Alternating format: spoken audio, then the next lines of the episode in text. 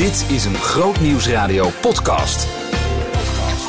Het Heerlijk Loflied met Hans van Vuren. En wat een feest is het weer om deze podcast met je te mogen delen. En waarom noem ik dat zo? Waarom vind ik het een feest om deze podcast te maken? Omdat het een, eigenlijk een soort een toetje is. Het is even nagenieten van mooie gesprekken die in de uitzending plaats hebben gevonden.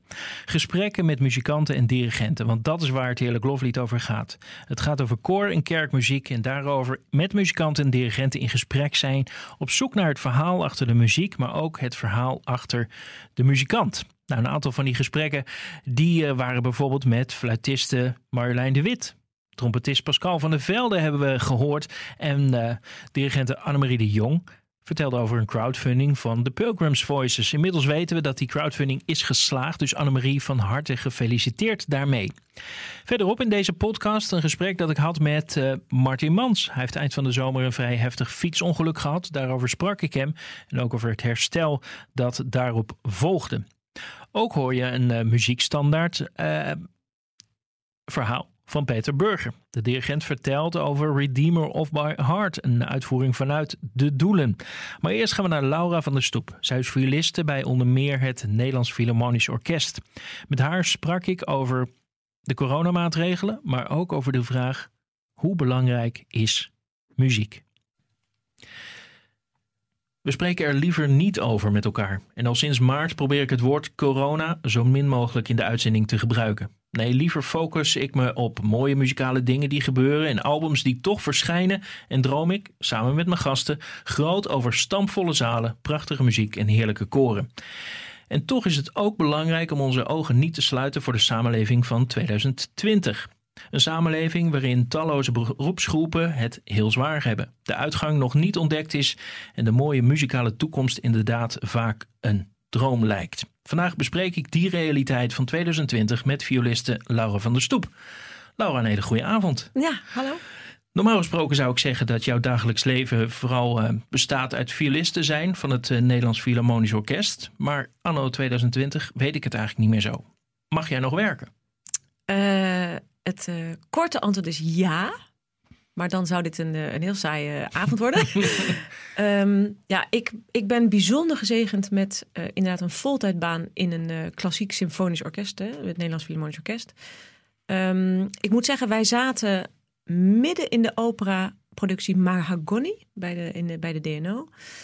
Um, ik denk dat dat was dat 13 of 14 maart. Mm -hmm. Dat wij, wij zaten echt vlak voor de première. Um, toen Rutte zijn eerste persconferentie hield. Ja. En dat was, ik meen, ik meen mij te herinneren dat dat een repetitie was van twee tot vijf. En die, die persconferentie zal om drie of half vier geweest zijn. Dus in de pauze zat iedereen in de kantine, achter een schermpje, televisie, iPhone, uh, welke kanaal dan ook, die persconferentie te volgen. En toen werd dus eigenlijk al een beetje duidelijk: jongens, dit gaat de verkeerde kant op. Want als we met honderd mensen op één plek mogen zijn, Mhm. nou, dan, dan, dan, is, dan is ons orkest al te groot. Dus het, het, het, het, ging, uh, het neigde al de verkeerde kant op. Um, en toen gebeurde er iets heel grappigs. Toen, toen morrelden we dus een beetje de bak terug in. En toen werd er al naar de dirigent gecommuniceerd van ja, sir, hè, dat was een, een, een, een, een buitenlands dirigent. Dit, dit gaat niet goed. Deze productie wordt waarschijnlijk gestopt die dirigent, ja, dit is een man naar mijn hart, want ik, ik doe dat eigenlijk nog steeds een beetje. Die stak zijn kop in het zand en die zei: Wij spelen gewoon door totdat we eruit worden getrokken. Ja. Totdat ik een, een nee heb gehoord, maken wij deze repetitie gewoon af en doen wij net alsof we die voorstellingen plaats gaan vinden. Mm. En daar ben ik hem eigenlijk nog steeds dankbaar voor. Want uh, ja, dat is eigenlijk een houding die ik, zelf, uh, die ik mezelf eigenlijk in deze tijd ook alsmaar aanmeet. Mm -hmm. Dat ik uh, ja, heel erg zo manna per dag. Ja. Manna per dag. En dan uiteindelijk is dat nee gekomen. Ja. Toch zeg je, ik heb nog werk. Um, ja. Ik hoor op televisie heel veel vanuit de culturele sector, zoals dat dan mooi heet. Van joh, we kunnen niet zoveel. Waar ben je dan toch druk mee? Um, nou, no, da, en daar ga je weer. Dus de, de, het, het, geluk van zo'n baan is dat er een, een, een aantal mannen in, uh, en vrouwen in uh, pakken en met heel veel hersens uh, heel erg aan het werk gaan. Die, die zijn heel erg betrokken, ook politiek. Dus die hebben veel uh, connecties met onder andere het RIVM, en, uh, maar ook uh, lokale en landelijke politiek. Mm -hmm. Dus die waren erg op de hoogte van wat wel niet mocht. En dus er werd in de wandelgangen in ieder geval heel snel duidelijk dat er toen vanaf 1 juni weer op hele kleine schaal concerten konden plaatsvinden. Ja. En toen is natuurlijk ons artistiek management als de sodemieter aan de bak gegaan met welke bezettingen dan, eh, eh, welke muziek daarbij hoort. eh. maar kijk, de ravage, ja, ik, ik weet niet eens waar ik moet beginnen. De ravage is natuurlijk gigantisch. Opera's afgezegd, concerten afgezegd. het hele seizoen waar we nu zeg maar in zitten, lag eigenlijk al helemaal op zijn gat. Want het werd natuurlijk al duidelijk, dit, dit gaat duren. Ja. Dus er moest ontzettend snel geschakeld worden. Ehm, maar wat ik zeg, er waren dus gelukkig heel veel goede poppetjes op goede plekken die aan de juiste touwtjes konden trekken. Ja. Waardoor dus eigenlijk in ieder geval vanaf 1 juni op mijn klassieke werkplek eh, alweer van alles mogelijk was. Natuurlijk, En die periode tot 1 juni, Ja. wat, wat heb je gedaan? Moest je thuis zitten met je, met je viool? Ja, in principe was het echt helemaal thuis zitten. Het viel helemaal stil. Het, het, ik heb het wel eens vergeleken met een, met een soort atoomontploffing. Hè? Dus je hebt, je hebt het moment van het, bij wijze van spreken, het, het indrukken van die knop. Mhm. En dan gebeurt er heel even niks. En dan, dan is de explosie. En dat, dat moment van zeg maar heel even niks, dat was natuurlijk. Iedereen zat, was in afwachting. Iedereen hield zijn adem in. Ik bedoel, alle koordirigenten, alle, alle muzici. Het was natuurlijk midden in de passietijd. Moet je je voorstellen. Hmm. Hele reeksen concerten. Ehm, maar, maar dit wiel moest nog helemaal worden uitgevonden. Niemand wist nog iets. Niemand wist wie gaat, er, wie gaat ons voor in dit. Wie, wie gaat het een president. We wisten helemaal niks. Nee.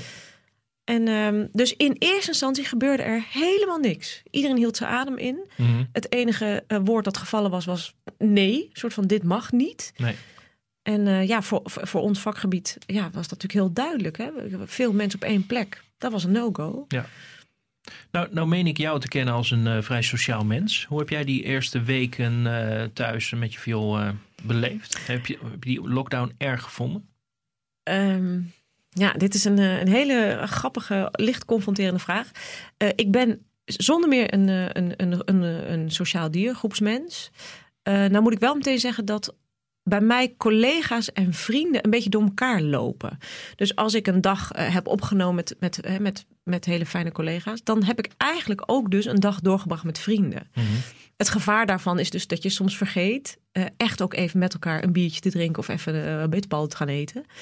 Omdat je elkaar dan de hele dag hebt gezien in zo'n werksetting.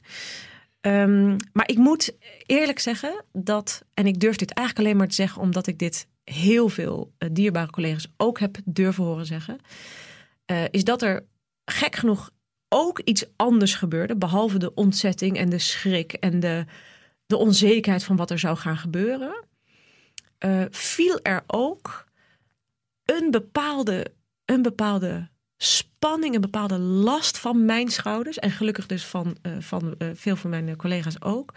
Die gewoon toch te maken heeft met dat continue presteren. Wij zijn natuurlijk als muzici. ehm, en in dit geval praat ik dan even heel specifiek over hè, strijkers als, als begeleiders van bijvoorbeeld een koor of, of begeleiders van bijvoorbeeld een zanger op een CD. Of een, je bent constant aan het presteren. Het, het, het kan alsmaar beter, het moet alsmaar beter. Eh, je neemt twintig maten op en dan denk je, nee, dit kan beter. Dan doe je nog een take en de live concert, ja, je, je, je, je presteert alsmaar op je tenen, weet je wel. Je, het is zeven dagen in de week, het is tijdens feestdagen. eh, het is, ehm, dus die, die lockdown, die gedwongen stop. Ja, het was, het was, het was net alsof iemand ook even zei, eh, een soort van gedwongen vakantie. Je, hebt, Mhm. je hebt even vrij. En er ging een druk van de ketel, waarvan ik werkelijk eigenlijk niet meer wist dat die al zo'n kleine 25 jaar eh, erop zat. Ja.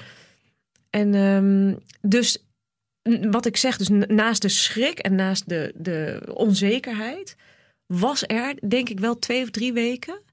ehm, ik zeg niet bevrijding, maar wel ontspanning. Mhm. Letterlijk een lijf dat voor het eerst, ik denk in 25 jaar, even loskwam van die, van die ja, toch ook wel. Hè, je, de- de- de- je, je hebt de, de zegen van een talent, maar ook de vloek van een talent. Namelijk dat je, dat, je, dat je er iets mee wil, dat je er iets mee moet. En het kost je wat. Een talent Mhm. kost je ook wat. Je, je wil het cultiveren, je wilt het laten groeien. En ehm, ja, het, het, het was even. eh, Ja, het mocht even niet. Het hoefde even niet. Mhm. En daar moet ik meteen bij zeggen, de omvang van deze, ik wil het woord niet noemen, maar ja, het kan niet anders. De, de omvang van deze coronacrisis was op dat moment nog alleszins niet duidelijk. Nee. Dus uh, ik, zou, ik ben blij dat ik dat uh, in die periode nooit zo uh, gesteld heb. Mm -hmm. Maar. Want is dit ook een inzicht van acht. Dat je durft te zeggen, omdat je er nu op terug kan kijken. Want ik herinner me ook, en ik weet niet hoe dat bij jou zat, maar heel veel collega's die zeiden: Oh jee, na drie weken ehm, ervaar ik nog nu toch al vooral ook bijvoorbeeld financiële stress of zorgen over mijn vak, mijn toekomst. Um,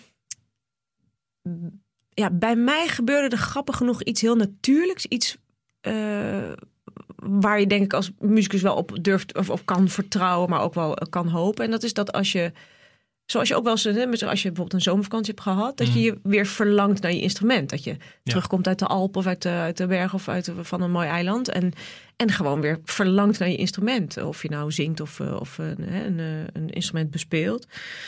Um, en dat gebeurde dus bij mij ook sowieso. Um, ik voelde ook een hele duidelijke verantwoordelijkheid naar mijn orkest. Kijk, mijn, ik ben natuurlijk in loondienst, dus mijn salaris ging gewoon door. Dat betekende heel concreet dat ik geen financiële stress had. Mm. Dat was een, een, groot verschil met veel van mijn ZZP-collega's. Uh, die heb ik ook echt ervaren, die zegen. Dat was echt een waar ik elke dag voor op mijn knieën ben gegaan. Um, maar het betekende ook dat ik, ik heb me heel verantwoordelijk gevoeld naar het feit, over het feit dat ik dat, ik, uh, dat salaris ontving, terwijl ik niet hoefde te werken, niet mocht werken. Hmm. Um, en dat, ik, ja, dat heb ik eigenlijk vertaald naar uh, gewoon gaan studeren. Dus ik heb, wat ik zeg, die eerste drie weken, het was natuurlijk prachtig weer. Ik heb veel gewandeld, veel gelezen, veel gefietst. Uh, er, er, ontstonden natuurlijk erg veel online initiatieven vanuit de kerk, maar ook vanuit, vanuit mijn werk. Um, maar toen die eerste drie weken, toen, ja, toen dat stof een beetje ging liggen, toen dacht ik, uh, ik ga studeren. En echt gewoon lekker studeren. Mm. Wat er op mijn pad komt, maar ook dingen weer eens op de les neerzetten die er al een tijdje niet stonden.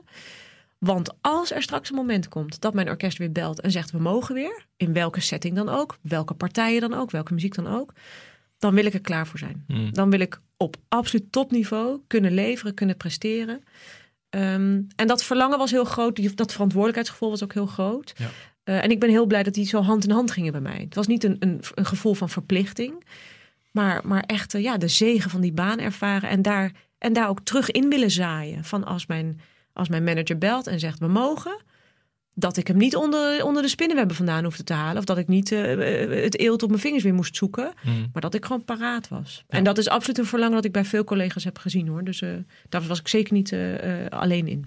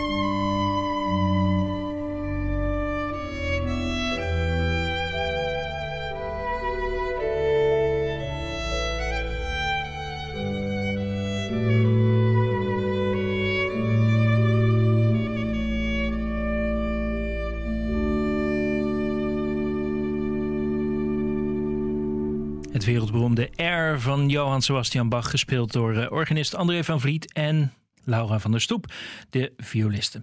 Zij was de gast in Teerlijk Loflied op Groot Nieuws Radio en we hoorden het eerste gedeelte. Dat ging met name over uh, de coronamaatregelen, maar we kwamen ook te spreken over muziek zelf.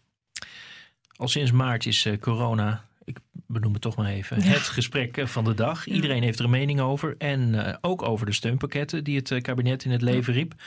Daarin is ook van alles gezegd over het belang en de onzin van de culturele sector. Ik zie sommige van jouw collega's vol dat debat induiken, ook op de socials. Uh, terwijl anderen zich op de vlakte houden of wachten tot, de storm gaat liggen. Hoe erg heb jij de neiging om uh, standpunten te verkondigen of je vak te verdedigen? Mm, nou, iedereen die mij een beetje volgt op Instagram en Facebook, die weet dat ik vooral gewoon van uh, leuke, mooie, lieve, zachte foto's hou.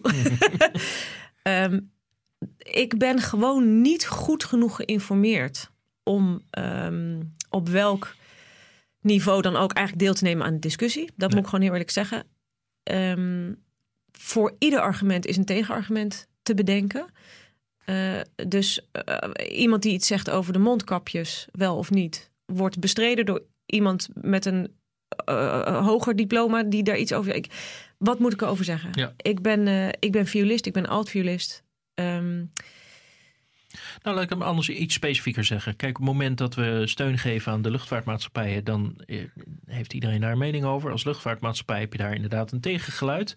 Uh, op het moment dat iemand roept, joh, waarom zouden we de culturele sector, als die zichzelf niet in stand kan houden, laat ze dan maar lekker stoppen. Ik kan me voorstellen dat jij dan als violiste denkt, dan heb je misschien niet helemaal in te gaten hoe belangrijk muziek is. Stel nou dat iemand op een rustige toon naar je toe komt en zegt, Laura, kunnen wij eens even een kopje thee doen? Leg mij eens uit waarom, uh, want ik snap het niet. Kun je eens uitleggen waarom muziek volgens jou zo belangrijk is in, in dit leven? Wat zou je dan in een rustig gesprek, zonder al te veel discussie, uh, toelichten?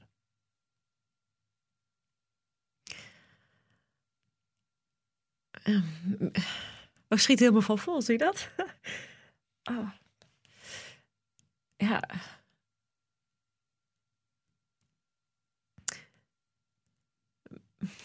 Muziek is echt alles. Muziek is echt, is echt alles. Ik, je kunt me misschien bestrijden, maar als je, als je een baby voor een schilderij zet, is de kans dat er een reactie komt, uh, ja, misschien klein. Er komen nu natuurlijk allemaal hele boze mensen op mij af, maar um, ja, vanaf, van, vanaf het allervroegste begin lokt muziek uit, lokt muziek een reactie uit, beweegt muziek. Uh, ja, ik, ik zei laatst in een interview: muziek is olie voor de ziel. Het is. Er zijn ook zoveel onderzoeken die hebben bewezen dat, dat muziek en ook klassieke muziek zo verschrikkelijk goed zijn voor de ontwikkeling. Voor de ontwikkeling van een kind, voor de ontwikkeling van een mens. Uh, als je kijkt naar de gezondheid van, van, van muzici, van, van amateurmuziek, ook die samenkomen, die samen muziek beleven. Het sociale aspecten van. Maar ik, ik weet eigenlijk niet eens waar ik moet beginnen. En ook dat, ik kan dat dus niet uh, universitair onderleggen of zo. Mm -hmm. Maar als je het mij kijk, als je, als je door de wereld loopt en kijkt hoeveel procent er een koptelefoon op zijn hoofd heeft, met wat dan ook. Hè? Dan hebben we het niet over, over welke muziek of over. Ik denk bijna dat om de, om de kracht van muziek zeg maar duidelijk te maken, om, ik, omschrijven zou denk ik niet kunnen, maar ik denk om de omvang en de, het belang van muziek uit te leggen, zou je het voor de lol gewoon eens een dag of een week of een maand uit je leven moeten halen. Maar dan ook echt overal uit. Dus uit je films, uit je computerspelletjes, uh, uit, de, uh, uit de winkels, uit de winkelstraten, uit de, de, donkere tunnels, ik zeg maar iets, uit de stations, noem iets. Helemaal weglaten. In de vliegtuigen, in de bioscoop, overal. Alles wat muziek is, alles wat liedjes is, je radiostations, alles uit. En kijken wat er overblijft. Ik denk dat we er zo aan gewend zijn geraakt, dat we bijna het belang er niet meer van, van voelen. Maar als je kijkt naar, naar de muzieksmaak van mensen, naar, uh, naar het, het, zeg maar het doel wat muziek soms heeft. Hè? bedoel, de supermarkten, sportscholen hebben bepaalde muziekjes voor bepaalde tijdstippen op een dag. Dat is gewoon marktwerk. Dat betekent dat muziek de kracht heeft om emoties los te maken, om emoties te planten ook. Ehm, en, en dat is nog een beetje zo iets algemeenheid. Maar, maar persoonlijk... Als ik zeg maar denk aan de concerten die we dan spelen in kerken. Soms zo koud dat het, dat het in wolkjes uit je mond komt met mensen met jassen aan. Daar, daar denk je nu bijna verlangend naar terug, hè? Want dat mag allemaal dit jaar niet. Hè? Alle, alle amateurkoren hebben natuurlijk uh, hun, repetitie, hun repetitieproces niet kunnen, kunnen doen. Die concerten die, die zijn natuurlijk allemaal geannuleerd. Maar de chemie van dat moment, het chemie van. Kijk, muziek is natuurlijk gewoon. Muziek is een verhaal zonder woorden. Dus je, je, je bent iets aan het vertellen. Je bent eigenlijk emoties aan het vertellen zonder dat je woorden mag gebruiken. In het geval van instrumentale muziek. En daar dan soms aan toegevoegd wel tekst.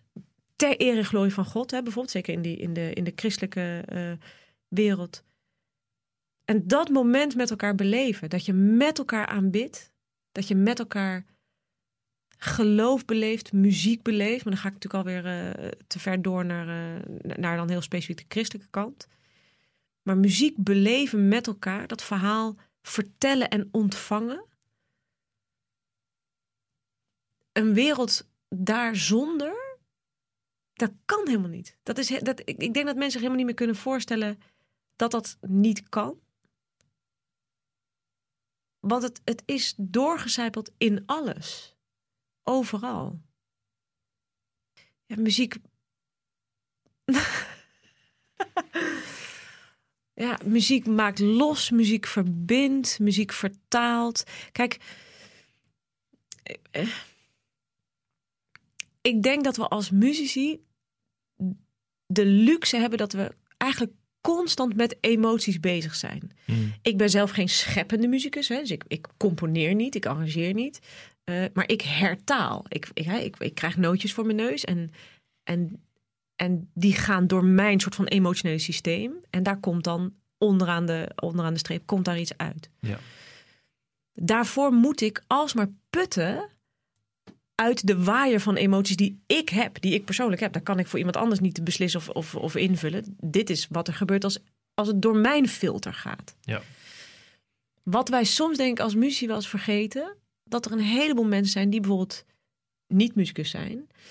Um, veel minder op die dagelijkse manier bezig zijn met het scheppen of het herscheppen van muziek. En dus minder snel bij hun emoties zijn. En muziek is een ongelooflijk middel. Is een ongelooflijk middel voor iemand om emotioneel ergens te komen. Hmm. En ja, ik weet niet, als je naar je eigen luistergedrag kijkt, dan, dan zul je misschien ook wel dingen herkennen. Je hebt soms dagen dat je stevigere muziek wil of nodig hebt of voelt. Omdat je je zo voelt of omdat je iets los wil maken in jezelf. Uh, maar je hebt ook dagen dat je, dat je, heel, dat je je misschien heel zacht voelt. Hè? Dus dat je, dat je wat milder bent en dat je, dat, daar hoort hele andere muziek bij. Mm. Um, ja, ik vraag me dus af of wij als muzici soms dus vergeten hoe luxe het is dat wij eigenlijk zo snel met ons instrument door een deurtje zijn en toegang hebben tot, tot die emotie, tot die. En, en dat is wat muziek doet. Het is natuurlijk alsmaar een portaal. Het is alsmaar een. een ja, is het een, een portaal naar je ziel, olie voor je ziel? Help mij. Ja. Ja. Nou ja, nou, het was mijn vraag. Dus ja, dit, is, dit, is, dit is jouw antwoord. Heel- Maar heel, heel mooi. Wel. En tegelijkertijd proef ik. eh, en ik bedoel, ik kijk inderdaad nu in je ogen. En, en zie dat die emotie daar zo dicht onder de oppervlakte zit. Ook vanwege het werk dat je mag doen. Ja. Dan is het onderwerp van gesprek vandaag de crisis waarin wij zitten. Heb jij ergens in de afgelopen periode wel eens een moment gedacht van... wat nou als ik gewoon geen muziek meer mag maken... en dat dit werk niet meer mijn werk is? Ehm, heb je overwogen om ander eh, werk te gaan doen? Nee, geen seconde. Maar dan ga je weer, dat is het korte antwoord. Ik zou natuurlijk heel naïef zijn geweest als deze periode niet tot gedachten zou hebben geleid. Ehm, ik, heb, ik ben mij nu verzekerd van een, van een fantastische baan en concertpodia waar wij nog mogen, mogen en kunnen spelen. Ehm, het is wel zo dat ik eh, in, mijn, in mijn stille tijd met God, dus in gebed met God, mij wel echt heb overgegeven aan wat er gaat gebeuren. En dat is echt een verschil met een paar jaar geleden. Toen ik, eh, eh, als het leven wat weer barstig werd, toch nog met mijn hak in het zand ging. En, en heel krachtig weet je, stappen ging zetten. Of, of in gebed heel vurige. Ik ben nog steeds een heel. Ik bedoel, ik, ik bid nog steeds vurig. Ik ben zeker heel krachtig in gesprek met God. Maar ik heb een, echt een, een, ehm, een soort van een, een bushalte overgave aangedaan. Mhm. En ik heb ook echt in mijn stille tijd tegen God gezegd: ehm, Ja, uw wil geschieden. Echt uw wil geschieden. Kijk, ik maak me geen enkele zorgen in die zin. God schudt, schudt, niet op zijn troon. dat zeggen we. Die is hier niet van onder de indruk. Die is hier niet van, on, on, eh, zeg maar van ondaan. Ehm, dat is een ongelooflijke zekerheid waarin we dus mogen en kunnen leven. Het liefst maak ik muziek de rest van mijn leven. Dat is, ik, ik voel ook dat ik daarvoor geboren ben. Ik voel dat, dat God mij daar geplant heeft. Mhm. Maar ik weet ook dat come what may, hij met mij is. Dus als dit, als dit kaarthuis zeg maar helemaal in elkaar stort, als het niet meer kan, als het niet meer mag, uh, dan weet ik dat hij met mij is. Dus als ik dan um, noem een, noem dwarsstraat, want ik, ik, zou dan eh, heel ernstig op zoek moeten naar andere skills. Maar stel dat ik dan uh, apothekersassistente word of ik word de onderwijzeres in een klein Fries dorpje, ik zeg maar iets. Um, ook al zou dat niet mijn plan A zijn geweest. Ik heb eerder gezien in mijn leven wat God heeft gedaan met plannen A die, die ter aarde zijn gestort. En hij heeft daar altijd hele prachtige plan B's van gemaakt. En ik mhm. wil echt leven zo dat God met mij kan doen wat hij wil doen. En dat betekent dat als ik nu uh, hele driftige wortels sla, hè, of, of wat ik zeg, heel driftig met mijn hakken in het zand, vertrouw ik dan God echt? Zeg ik dan tegen God, ik vertrouw u met wat er gaat komen? En ja, de afgelopen periode uh, heb ik, ja, wat ik zeg, heb ik in mijn stille tijd en in mijn gebed me echt kunnen overgeven daaraan en kunnen zeggen: Vader, uh, uw wil geschieden. Liever dit. Mhm. En ik mag die, die hartewens ook kenbaar maken aan hem. Maar ik weet dat als het anders gaat lopen, dat u er ook bent. Dat u met mij bent. En dat we dan, uh, nou we, dat, dat, ja, dat we dan een geweldig plan B gaan schrijven. Of C, of D, of E. We hebben het nu over plan uh, B, C, Ja. D, E. Ehm, maar goed, vooralsnog zit je in, eh, in plan A. Ja. Ook al is het een heel andere invulling dan, dan voorheen. Afgelopen periode heb je ook met allerlei leuke projecten bezig mogen zijn. Binnenkort Ja. gaan we eens een uitzending wijden aan eh, nou, de mooie klussen tussen aanleidingstekens die je hebt gedaan. Bijvoorbeeld voor Severin van Dijk, Rens de Winter, eh, het CB Meisjeskoor. ja. Maar als we toch even focussen op het eh, orkestgedeelte. Waar kijk je de komende periode naar uit? Wat is iets wat, wat mag en waar je nu van zegt... hé, hey, maar daar heb ik echt heel veel eh, zin in? Ik moet de hele tijd denken aan manna per dag. Het, het is gewoon een seizoen van rapen per dag. Hmm. Niet rapen voor 1, 2, 3, 5, 10 dagen. Want, eh, want we weten het gewoon niet. Er zijn fantastische initiatieven helaas helemaal getorpedeerd door corona.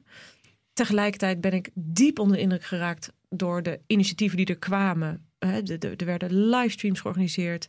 eh, en dat wordt natuurlijk nog gedaan. Eh, er zijn cd-opnames uit de grond gestampt. Ik, ik- de, de inventiviteit, hè, de, die filmpjes die op, op Facebook circuleerden en op YouTube, fantastisch. Maar het blijft manna per dag. Hè, dus echt de, de concerten, ook de, de orkestconcerten, er staan dingen. Maar wij worden echt opgeroepen tot flexibiliteit. Hmm. Want programmeringen eh, kunnen ineens worden omgegooid. Concertdata kunnen ineens worden omgegooid. Ehm, dus eerlijk gezegd, het klinkt een beetje een heilig boontje. Het is gewoon manna per dag. Ik raap per dag. En iedere dag die we, ja, die we muziek mogen maken, iedere dag die ik een noot kan en mag spelen, helemaal met collega's, ja, is gewoon is een, is een maaltijd. Ja. Ja, We gaan gewoon eh, kijken wat eh, morgen dan brengen gaat. zo is het. Binnenkort eh, gaan we uitgebreider spreken over een paar van die mooie dingen die de afgelopen maanden zijn gebeurd. Maar voor dit moment zeg ik dankjewel. Ja, dankjewel Laura. voor de uitnodiging. Dankjewel. Laura van der Stoep. We gaan natuurlijk ook luisteren naar muziek.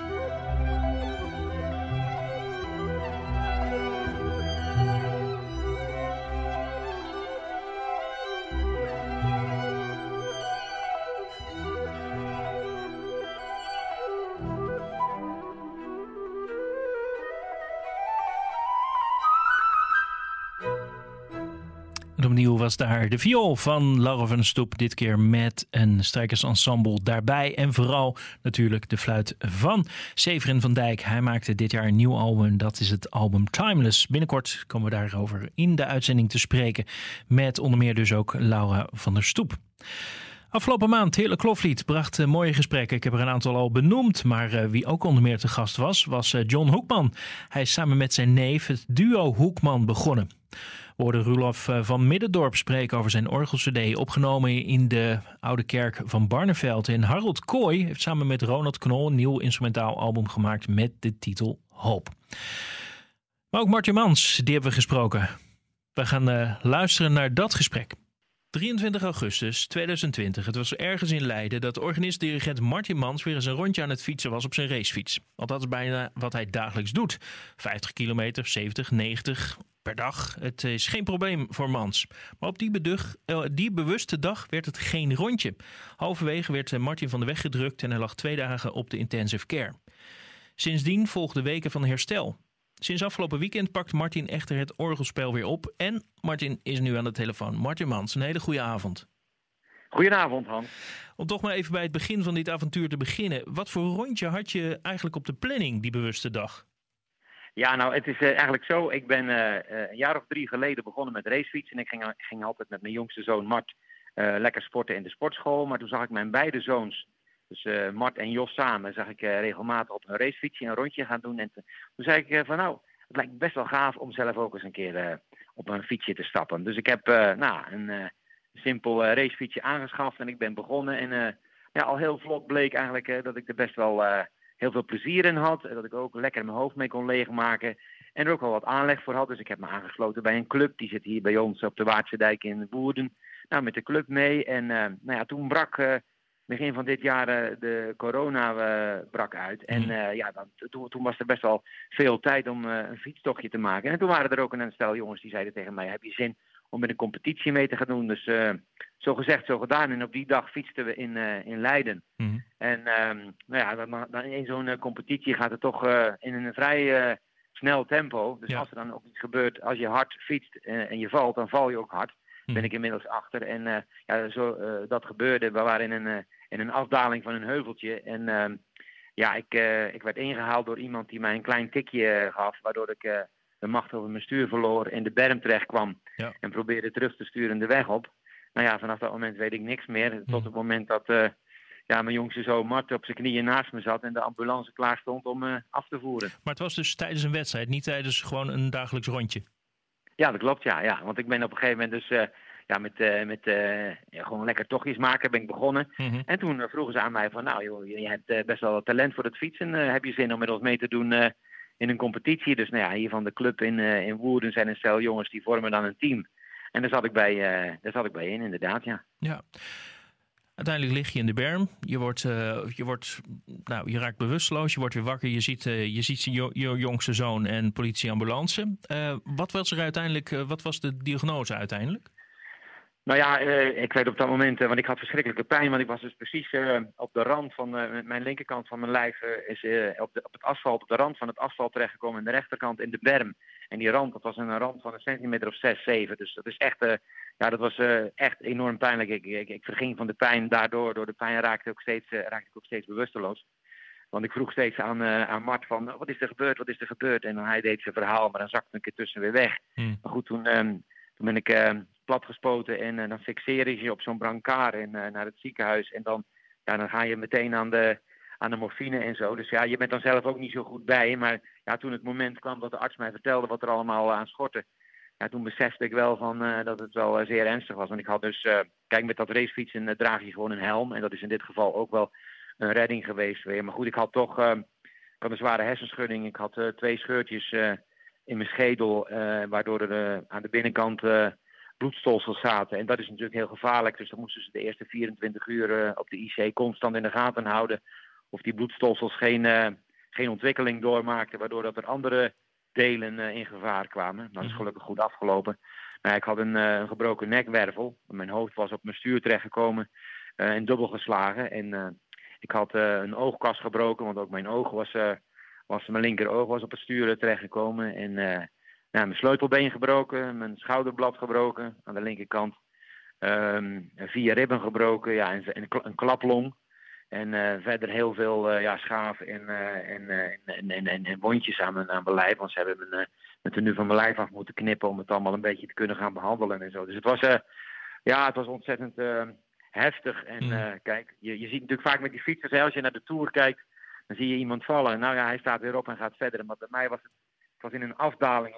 Ik maakte een smak nou, met een gangetje van 50, 55 per uur. En ik lag meteen stil. En dat is ook het ja, dan komt die klap natuurlijk ook gewoon keihard aan. Kijk, als je nog een stukje kunt doorglijden of zo, dan heb je wel uh, schaafwonden. Maar dan heb je dus niet, uh, ja, deze smakken maak je dan uh, niet, zo, niet zo heftig door. Dus ja, ik heb een paar dagen in het LUMC, in het Leids Universitair, op de intensive care gelegen. En, mhm. dan, en toen nog een, een week op kamer. En nou, toen daarna drie weken thuis ja. op bed. En nu langzaam maar zeker begin ik weer uh, te herstellen, zeg maar. Maar het is een heftige periode geweest. Heb, heb jij die andere fietser die jou per ongeluk aantikte nog gesproken? Ja, nou dat is, kijk, je gaat in een peloton met 60, 70 man. En ik heb toen later via de, de, de vereniging die het organiseert, heb ik een oproep gedaan. En ehm, ze weten wel ongeveer wie het gedaan heeft, maar ik heb nog geen contact. Hij heeft geen contact met me opgenomen, terwijl we verder bijna, bijna alle fietsers die erbij waren even een berichtje ter bemoediging en ondersteuning en medeleven sturen. Maar uh, ja. ja, of hij zich nou um, schuldig voelde of wat dan ook, dat was voor mij ook meer van. Uh, dan kan je nog eens even een keer praten over wat er voorgevallen is. Weet je, wel. je kan er toch niks meer aan veranderen, maar ik, heb, uh, ik heb nog niks van hem gehoord, nee. Nee, nou, uiteindelijk blijft er eentje over die dan niet gereageerd heeft. Even een beetje, ja. een beetje wie je moet hebben. Hey, uh, nou las ik dat de oorspronkelijke prognose was dat je vier maanden uitgeschakeld was. Je zegt, nou ben ik toch langzaamaan weer wat dingen aan het, uh, aan het, aan het proberen. was die vier maanden gewoon te negatief of ga je te voorbarig te werk? Nou, het, het, het, het, punt is, kijk, ik werd in het ziekenhuis begeleid door ja, een arts die je dan die fysio met je doet. En er is een, uh, een arts die uh, ja, van, de, van de pijnpolie. Ik lag ook aan zo'n uh, morfinepomp. En er is een arts die de botbreuken in de gaten houdt. Dus ja, ik werd gewoon heel goed begeleid. En ja, de, de, omdat het natuurlijk zo'n veelheid aan fracturen was, was de, de, de, de, gedachte dat het best wel ja, veel langer zou gaan duren dan normaal iemand die, die met één breukje verder gaat. Zeg maar. Mhm. Maar ja, na een paar dagen uh, kon ik stapje voor stapjes even mijn bed uit en ging ik met de, de man die de fysio deed een rondje over de gang. En die ging de mensen van de IC halen om te laten zien van, kijk hier loopt hij al. Dus en het nam dan meteen een, uh, de, de, het herstel nam met, meteen wel een vlucht. En uh, ze kunnen ook zien aan, aan, de, aan de aangroei, omdat ik natuurlijk zoveel breuken heb, aan de aangroei van het kalk, aan, aan de botten, hoe vitaal je bent. En ja, ze constateerden op een gegeven moment dat ik gelukkig um, ja, best wel vitaal ben. En dat dat natuurlijk je herstel ook uh, ten goede komt. En mm. um, ja, kijk, ik heb hier nu. Uh, ik heb echt vier weken op mijn rug gelegen. zonder dat ik ook maar één stap kon zetten van de pijn. Maar ja, op een gegeven moment merkte ik toch dat er weer wat extra energie over was om ook iets anders te doen. En dat ging in een paar dagen tijd best wel snel. En ik moet er direct bij zeggen dat het. ik heb nog een weg te gaan, maar mm. ik kan wel al wel dingen doen. En ik zie, ik zie dat echt als een wonder. En mensen om me heen die dat, die dat, uh, ja, die dat zien, die hebben mij toen ook zo gezien hebben, die zien dat ook van. Dat er toch uh, één is die, uh, die dan toch uiteindelijk bepaalt hoe het met je gaat en voor je zorgt. En er ook voor gezorgd heeft dat het niet erger was dan dat had kunnen zijn. Want ik had natuurlijk ook mijn nek kunnen breken. En dan, ja, dan er dus nog veel ergere dingen dan dat er gebeurd zijn. En bij mij zijn er toch dingen gebeurd die uiteindelijk toch zichzelf weer kunnen herstellen, zeg maar. Dus uh, ik zie het als een, ja, als een wonder dat ik nu alweer, um, want het is nu uh, ruim vijf weken geleden, dat ik nu toch alweer in staat ben om wat, wat dingen te doen. Ja. Dat klopt. Een van die dingen die je hebt gedaan is afgelopen weekend. Toen heb je je eerste orgelconcert weer gegeven. hoe voelde je je dat je daar weer klaar voor was? Ja, dan komen er in één keer dingen op je af. dan merk je toch, kijk, normaal gesproken, kijk, je zit altijd fulltime in in je werk en uh, het gaat altijd door en het is een soort van zelfsprekendheid. En er zijn een heleboel dingen sowieso, niet alleen het muziek maken, maar ook andere dingen die dan nu in zo'n situatie ineens geen vanzelfsprekendheid meer zijn. Want uh, ik had gelukkig een goede vriend van me die me reed naar uh, Terneuzen. En ik kon op de heenweg nog even bij mijn ouders langs in Ierseke. Dus het was voor mij een mooie dag. Daar was ik ook al lang niet meer geweest. Maar dan, dan zit je achter zo'n orgel en dan drinkt er ineens tot je door. Ja, er is voor de eerste keer in je leven. Dat je dus in, eh, in vijf, zes weken niet achter het orgel gezeten hebt, niet gespeeld hebt. En, en Mhm. ik had een programma met, eh, met improvisaties. En dan komt er toch, hè, je denkt er toch tot je door van dat je denkt van ja, ik heb wel een, een eh, zware hersenschudding gehad. Ehm, in hoeverre zit dat in die bovenkamer allemaal nog eh, dusdanig op orde. Ja. Dat je toch die improvisaties er weer gewoon af kunt draaien, zeg maar. En ging dat? Dus, ja, en dat ging goed, ja. Maar het is wel de gedachten eromheen. Ehm ben je op zo'n moment toch, toch weer even eh, teruggeworpen op jezelf. In de, in de zin van dat je denkt van ja, jongen, maar luister. eh, een mens is echt wel heel erg kwetsbaar, weet je wel. Dus het was voor mij wel een heel bijzondere avond en het, en het, en het ging goed. Ik, ik, ik was wel wat onzekerder dan anders. Ik, ik vroeg wel steeds even aan mijn registrant van... eh, oké zo, hè, oké zo. Hè. Ja, hij zegt...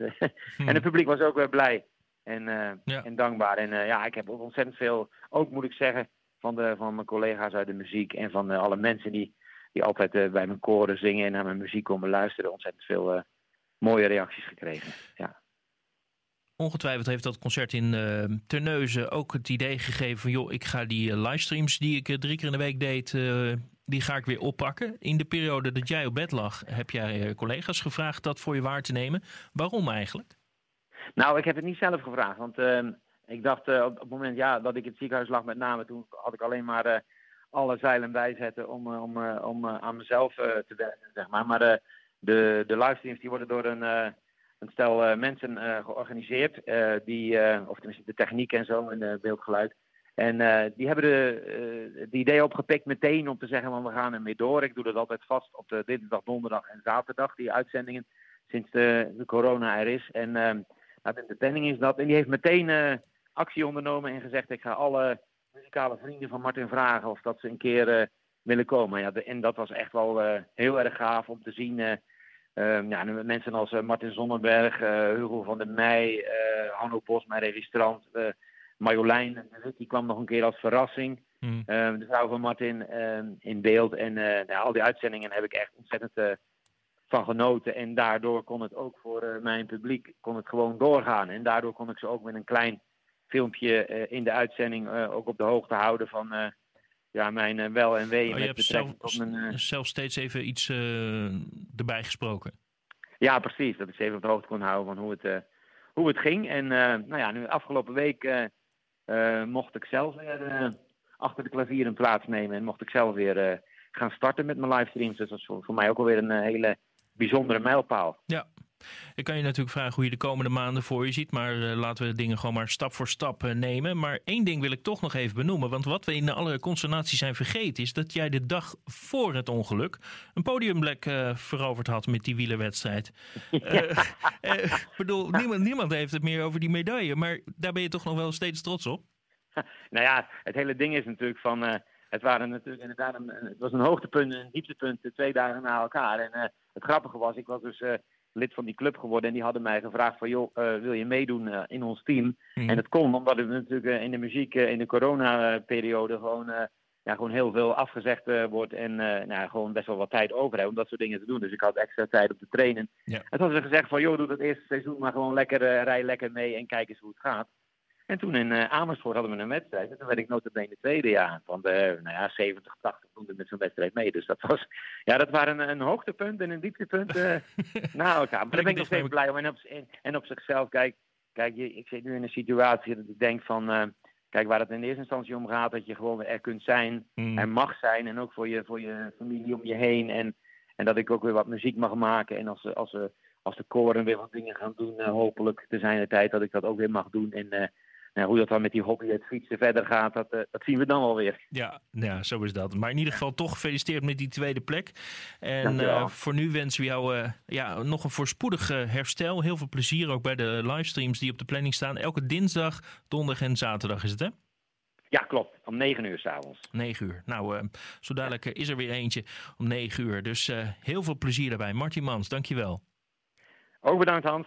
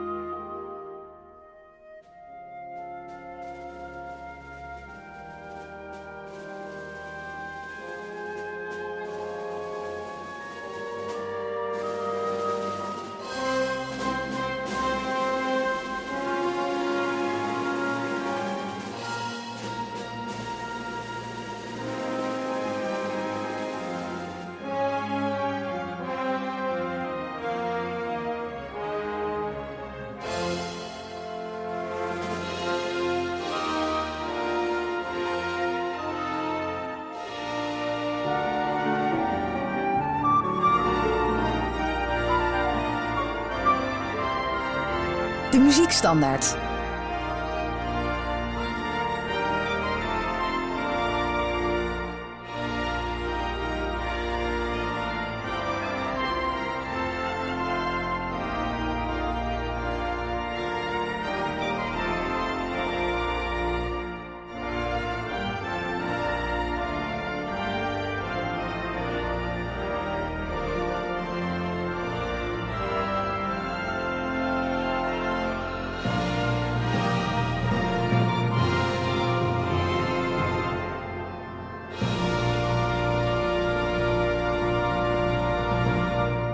Komt nu met zang. Muziek van Martin Mans. een telefoongesprek dat ik afgelopen maand met Martin had in de uitzendingen. Dit lied werd gespeeld met het Philharmonisch Orkest onder leiding van Willem Stoops. Ja, je zou kunnen denken op het moment dat je alleen de muziek in deze podcast hoort, dat uh, het hele kloflied alleen over instrumentale muziek gaat. Maar natuurlijk, dat is helemaal niet waar. We hebben het ook over records, we hebben het ook over allerlei dingen waarin echt daadwerkelijk gezongen wordt. En daarvoor hebben we onder meer de muziekstandaard. In de muziekstandaard is een rubriek waarin ik in gesprek ga met uh, allerhande muzikanten en dirigenten. Zo waren daar afgelopen maand onder meer te gast uh, Merte de Wolf, Jorrit Wout, Tinira Sturm, uh, Rineke de Wit, Edith Post en Marta Vergent. Zij is de fluitiste van The Musics. Maar we gaan luisteren naar een van die gesprekken. En dat is een gesprek met dirigent Peter Burger.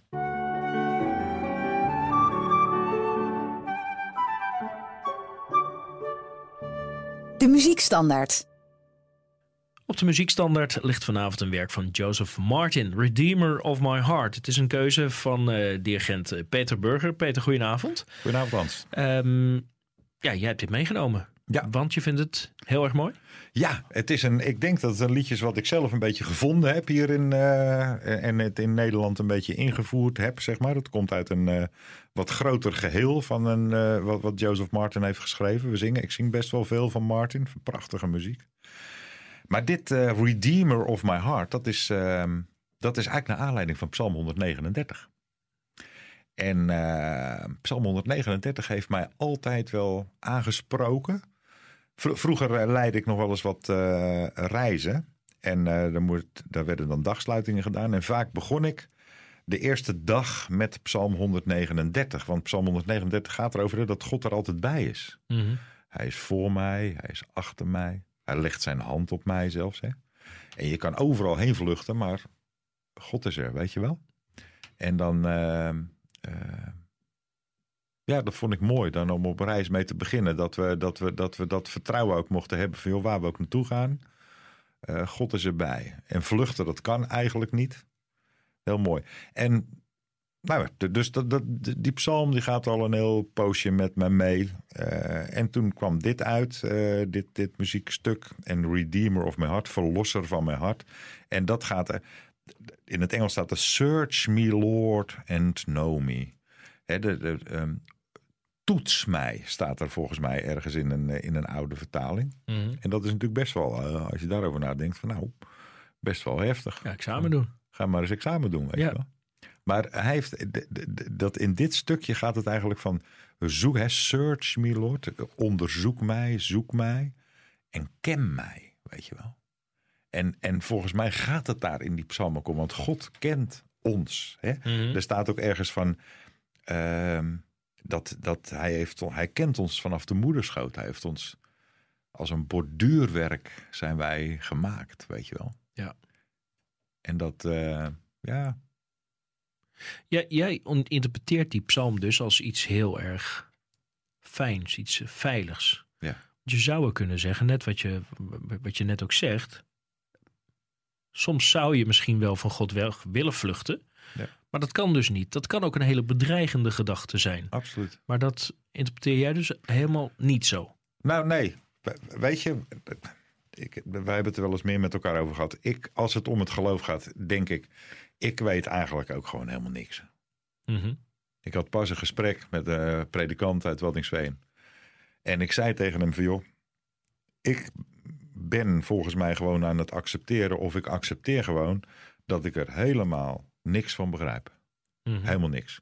En dat het allemaal zo verschrikkelijk veel groter is als wat ik ooit bij elkaar kan bedenken. Dus ik ben maar gewoon gestopt met er al te veel over na te denken. Ja. En omdat ik, ik heb, ik heb heel veel vijf en zessen. Weet je wel, ook als het om de Bijbel gaat en om allerlei dingen. En om in ons hele christelijke wereldje met zijn, met zijn grensjes en zijn dingetjes. Van ik heb zoveel dingen waar ik echt helemaal niks van begrijp.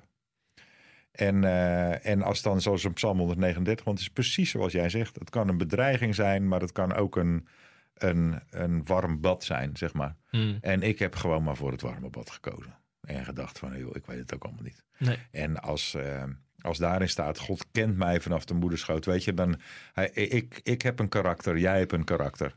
Als ik mijzelf toets, nou dan, uh, dan staan er veel onvoldoendes op het rapport. maar als, als ik dit hoor, juist in deze versie van de psalm. Search me, Lord, and know me. God kent mij. Hij kent mijn karakter. Hij kent mijn tekortkomingen, wat dat dan ook mogen zijn. Uh, hij kent mijn vragen. Hij kent mijn angsten. Hij kent mijn verdriet. Hij, noem alles maar op. Mm. En dan denk ik van, hè, gelukkig. Weet je wel? En dat komt hier en daar staat er, want waarom mogen we dat denken? Want dat is denk ik juist zo mooi wat hier nu gebeurt. Redeemer of my heart. Verlosser van mijn hart. Dus wij hoeven dat helemaal niet zelf te... Ons, ons menselijke hart, daar kan van alles en nog wat in gebeuren. God kent ons, God heeft ons gemaakt. Hij is de verlosser van mijn hart. Ja. Punt. Punt. Wij gaan luisteren naar Redeemer of My Heart. Peter Burger, dankjewel. Graag gedaan, Hans.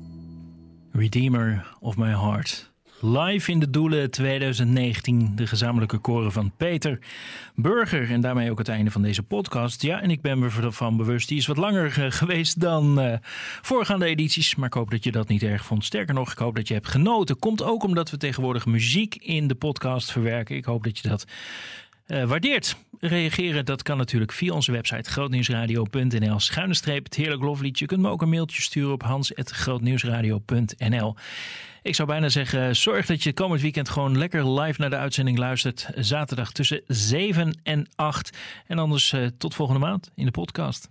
Doei!